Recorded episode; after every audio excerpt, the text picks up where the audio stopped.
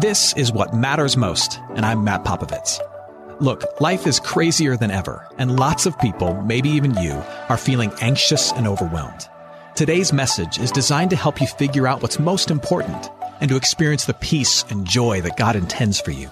Because life is a gift, and it shouldn't be wasted on worry. I'd like to give you a resource, something to help you navigate the road ahead. Just go to mattpopovits.com, click on the icon, and we'll send it to you. That's Matt, P-O-P-O-V-I-T-S dot com. And hey, if you happen to live in the Houston area, I'd love to see you on a Sunday morning at St. Mark in Spring Branch. Head to stmarkhouston.org to plan your visit. Here's today's message. Thanks for listening. All right, so raise your hand if you currently have or very soon will have a Christmas tree in your home. Raise your hand.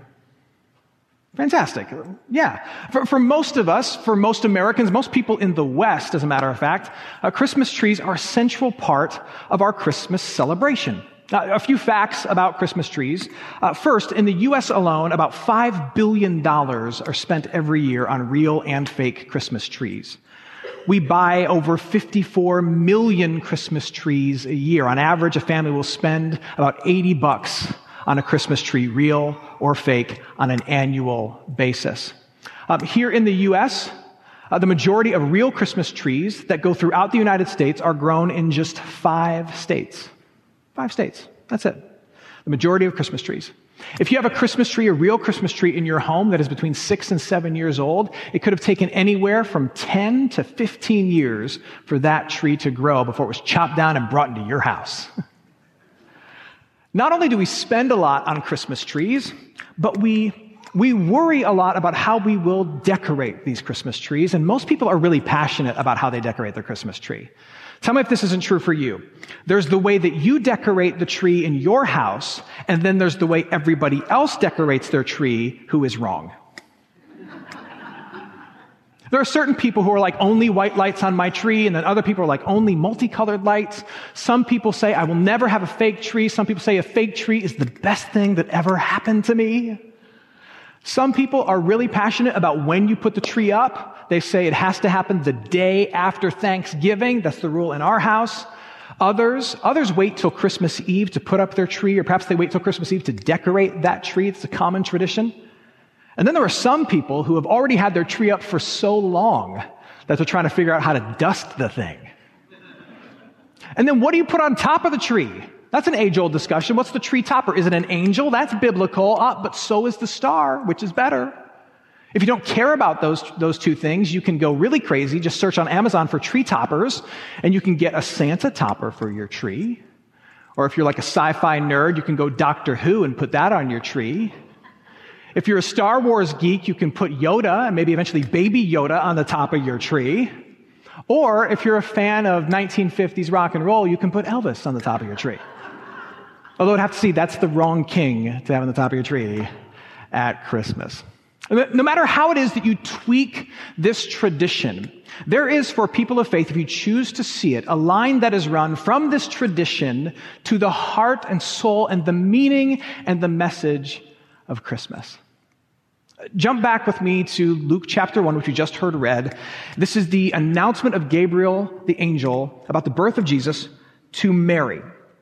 Starting in verse 26. In the sixth month, the angel Gabriel was sent from God to a city of Galilee named Nazareth to a virgin betrothed or engaged to a man whose name was Joseph of the house of David. That's important. And the virgin's name was Mary. And he came to her and he said, Greetings, O favored one, the Lord is with you. But she was greatly troubled at the saying and tried to discern what sort of greeting this might be. And the angel said to her, Do not be afraid, Mary, for you have found favor with God. And behold, you will conceive in your womb and bear a son, and you shall call his name Jesus. Now, that name, Jesus, matters. History tells us that this announcement was made into a world that was hurting. It was made to a particular people, the, the Israelite, that would come to be known as the Jewish people in first century Palestine, who in particular were hurting. They had been told for, for centuries and centuries that they were the one true God's one chosen people. And that he was going to make them into this nation that would be the jealousy of everybody else in the world. That God's love and his power would be so clearly on display in them that everybody else would want to be a part of them. That he would make them the most powerful and blessed nation that the world would ever know. That was the promise. Things, however, had not turned out so well. Yes, the Israelites were, were still God's chosen people, but they had pressed against God's power pressed against God's promises, like, like spoiled children who always find a way to whine. That was the Israelites. Uh, like an unfaithful spouse who's constantly flirting with something better. That was the Israelites. And it got to a point where God was like, okay, I'm, I'm, I'm, I'm kind of done with you. Like, I still love you. You're still mine, but I'm going to punish you. And he allows them to be overtaken by other nations. To the point where when, when Jesus' birth is announced, the Israelites are not sitting pretty in God's city of Jerusalem. They are actually scattered around the known world, like a Christmas bulb that falls from the tree and breaks all over, and the pieces are everywhere. That was God's people. They are scattered all over the known world. Many of them are angry. They're angry because the Romans are oppressing them, and that's not the way it's supposed to be. And they're very, very disappointed in God. Very disappointed in God. Because he's not keeping up his side of the bargain. Or so they would think. Which is what makes the announcement of the angel Gabriel to Mary so important and so life changing. Because the angel announces to Gabriel, the angel announces to Gabriel that, that Jesus is going to, the angel announces rather to Mary that Jesus is going to be born, and Mary is an Israelite girl. She's one of the chosen people. And Mary is engaged to a man named, man named Joseph, who is part of the line of David, King David, a former king of Israel. And the angel says to Mary, You shall call him Jesus, which in Hebrew means Joshua, Yeshua, the Lord will save us. You see, Mary had grown up in a world where she had been told over and over and over again that God was going to save his people and rescue his people, that God was going to draw them back together and make them a great people. But she'd been living in a world where the goodness and the greatness of God was always in the past and never in the present. And where the answer to everything was, you've got to wait, you've got to wait, you've got to wait. And so, if you were to ask Mary what her attitude prior to the announcement of the angel was, and what the attitude of all of the people in, in the Israelite community was, they would see that God seems very far away and very disappointing to us. Because the answer is always God used to do miraculous things in our midst, and one day he'll do them again. But the answer was never now. It was never today. It was always back then and someday in the future, but for now you gotta wait. God is silent right now.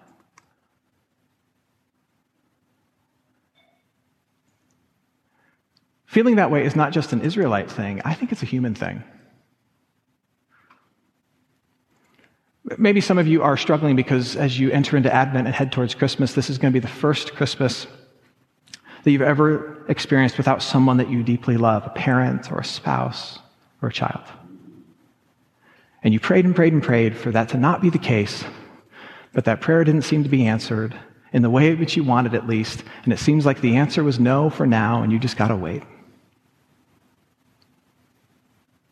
Or maybe you are in a marriage that's really frustrating at the moment, or a job that's really discouraging at the moment or with kids who are really draining and depleting at the moment, or a body that is aching and will not heal at the moment, and you've been praying and asking for God to do something, and it seems like the answer is not now, not now. You've heard He's done great things in the past. He's not doing anything for you, it seems, in the present, and you just got to wait for a better future and you're kind of tired of waiting. See, it's not just the Israelites in the first century that were feeling this way. You and I, from time to time, we feel this way too. But again, that's what makes the announcement of the angel to Mary so important. You see, the Israelites were waiting for a new Joshua. Joshua was the one who led the Old Testament people into the promised land. And now with God's people having been scattered all over the world and frustrated, they were waiting for the promised new Joshua to arrive to gather God's people back and take them into this new reality where they would once again be God's chosen people and flourish under his hand. And so when the angel shows up and says, Mary, Israelite girl, Though you are just 13 or 14 years old, you've been chosen by God. You're betrothed, you're betrothed to Joseph, who's of the line of David, one of the, the greatest kings of Israel. And you're going to call this baby Jesus, which in Hebrew is Joshua, which means the Lord saves. What the angel was saying to Mary is, the time is now. The time of now never being now is over. It's now. Today is the day where God is going to show up. Today is the day where God is going to act. The waiting is over. This child that you will bear, he will be the one to gather God's people back around him and lead you into the bright future that God has planned for you. He will bring hope and blessing and goodness to everybody else in the world. And his very presence, his birth, his life, his death, his resurrection, it will be the thing that vanquishes any reason you've ever had to think God is distant and disappointing. That's what the angel was saying to Mary. I hope you're enjoying today's message. For more of what matters most, you can head to mattpopovits.com. There you'll find other messages. You can support this ministry as well as access your free gift. Oh, and if you're looking for a local church and you live in Houston, come and see what's happening at St. Mark Houston. To plan your visit, head to stmarkhouston.org. Thanks for listening, and back to today's message. Now, now what does this have to do with Christmas trees? Here's what it has to do with Christmas trees. Um, have you ever thought just how crazy this practice is of taking a, a pine tree and bringing it into your living room? It sounds ludicrous. This thing that, that clearly belongs outside, it has no business inside, and then we put lights on it and we let this thing that's belongs in the outside but has come inside. We let it light up our ordinary life while we watch The Office on Netflix or we eat leftovers for dinner or we help the kids with homework. It's a very strange thing and yet it connects directly to what Christ has done because what do we believe that Christ has done? We believe that Christ has come as God in flesh from the outside in. From the outside of creation into creation. Uh, look again at what Gabriel says. Gabriel says in verse, starting in verse 32. He says, Behold, you will conceive in your womb and bear a son, and you shall call his name Jesus, and he will be great, and he will be called the Son of the Most High. The angel tells Mary that in the birth of Christ, God himself was entering our world. God himself was invading our home, so to speak. And you can say, so, I've heard that all along as I've been growing up. But if you just write off the idea of God taking on flesh and coming into our world, you are, you are missing the most jaw dropping reality that has ever been proclaimed upon the human existence. What we believe is that God in his fullness has taken on flesh and come into this world. That God who created this thing entered into this thing. That God who enjoys the worship of angels and the splendor of heaven has set all those things aside and taken up residence here among us. And not just for like a photo op, like when a presidential candidate comes to town and they're here for like five minutes, just long enough to shake a few hands and kiss a few babies and then they're out. No, he was born as a baby and lived a life here, the fullness of God in flesh here with us. Now, for those of you who have like dabbled in world religions a bit, you might say, well, Matt, there are other religions that believe similar things. To which I would say, you need to go back and read your notes because that is not the case. There are other religions like, say, Islam and Mormonism that believe God has sent prophets and divine like people into our midst. There is mystic Judaism and Eastern religions that believe that the divine can be experienced here. There's Greek mythology that believes that the gods have come down and kind of messed with creation. But there is no other religion, no other faith that believes that the fullness of God has taken on flesh and taken up residence here. Like a pine tree brought into the living room to a place it doesn't belong has come into creation and set up residence here and shone light on us. Now, the question is, why would he do that? Why would God enter into a place where we look at him and go, You don't belong here? And the answer is simple but essential because he loves you. And that's what love does. Love shows up. Love bridges the gap between you and it.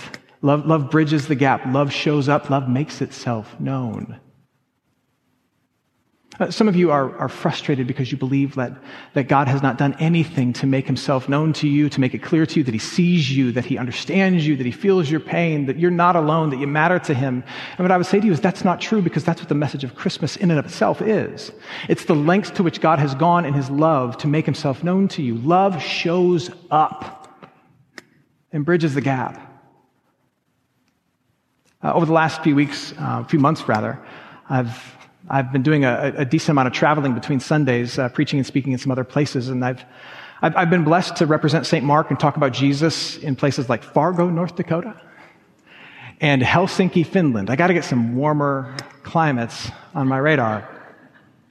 Fargo, North Dakota, and Helsinki, Finland, and a bunch of places in between. And I'm really thankful for technology. I'm thankful for the fact that because of Apple, I can open up FaceTime and I can see my wife from a million miles away, or I can say bedtime prayers with my kids even though I'm on the other side of the globe. I love technology, but but even as I'm far away, even as I'm enjoying technology, I think, man, there is nothing better than being there. And I wish I was just there with them. That's what love always wants to be in the room, right?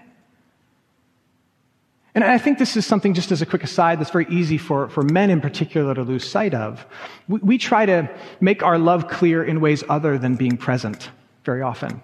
We'll say, well, I go to work and I work hard and I provide for the family. I, I, I, show that I'm proud of you. I tell you that I love you. And all those things are great. But then we, we always have to be reminded that, that our wife, that our children, that the people who matter most to us, they would trade all those other things for our presence,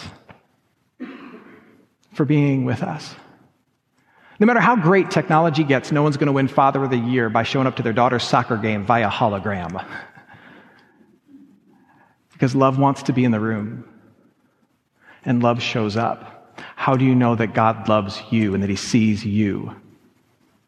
The fullness of God took on flesh, and He came here, here, to this earth, to this planet, and He was with you.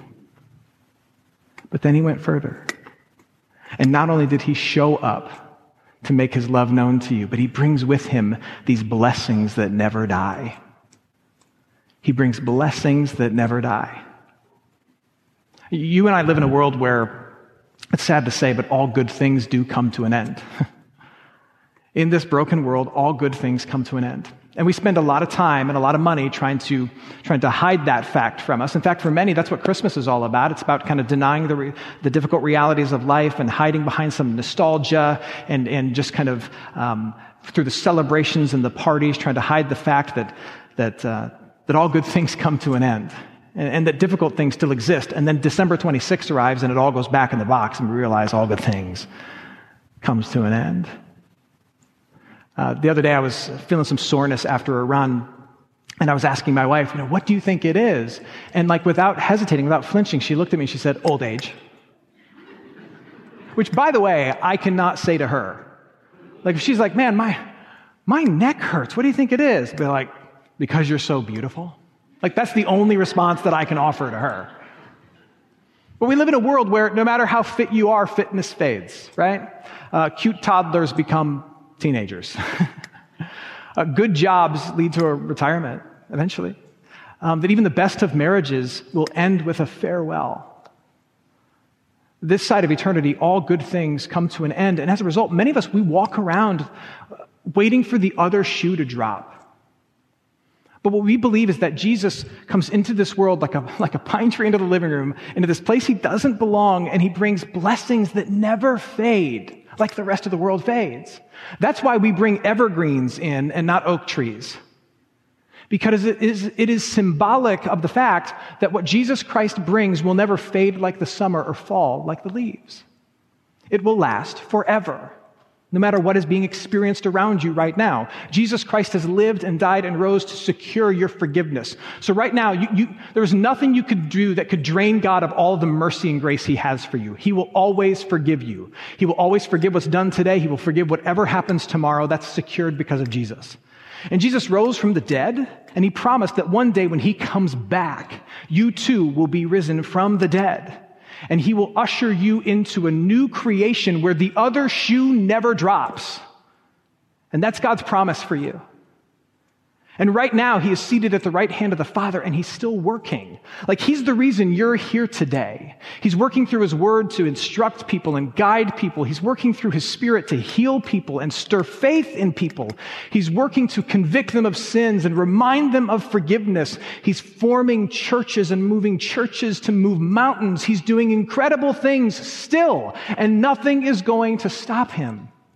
Look, this world can be incredibly discouraging, and I don't want to pull the rug out from under any discouragement that you have this holiday season. It's probably for very good reason. But if your discouragement is not tinged with any hope at all, it's probably because the bulk of your hope is in the wrong things.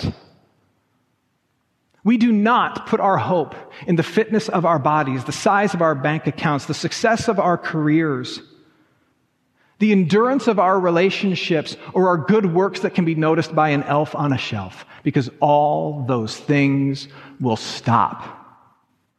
All of them.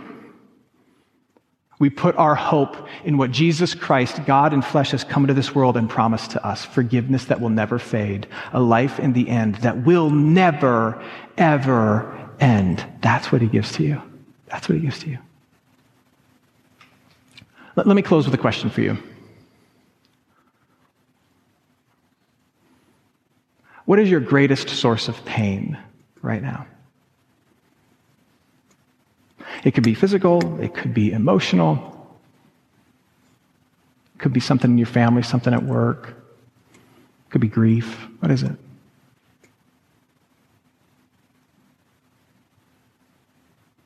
What causes you angst or frustration or just sadness? Now, let me ask you this Why did you put up a tree this year? Was it just because? It's what you do? Or is it because you believe? Is because you believe that no matter what's going on around you, that, that God has entered into your world and given certain things that cannot be taken or stolen from you? Certain peace and certain promises. If that's the reason why you put up a tree, then your tree is not just merely a decoration in your home, it is a declaration of your hope. Your belief that God has come into this world to show you, He's come close to show you how much He loves you, and He's bringing with Him certain gifts that will not fade or fall away for you. And your tree is a declaration of hope out the front window of your home to a dark world. Something has entered in to a place it doesn't belong.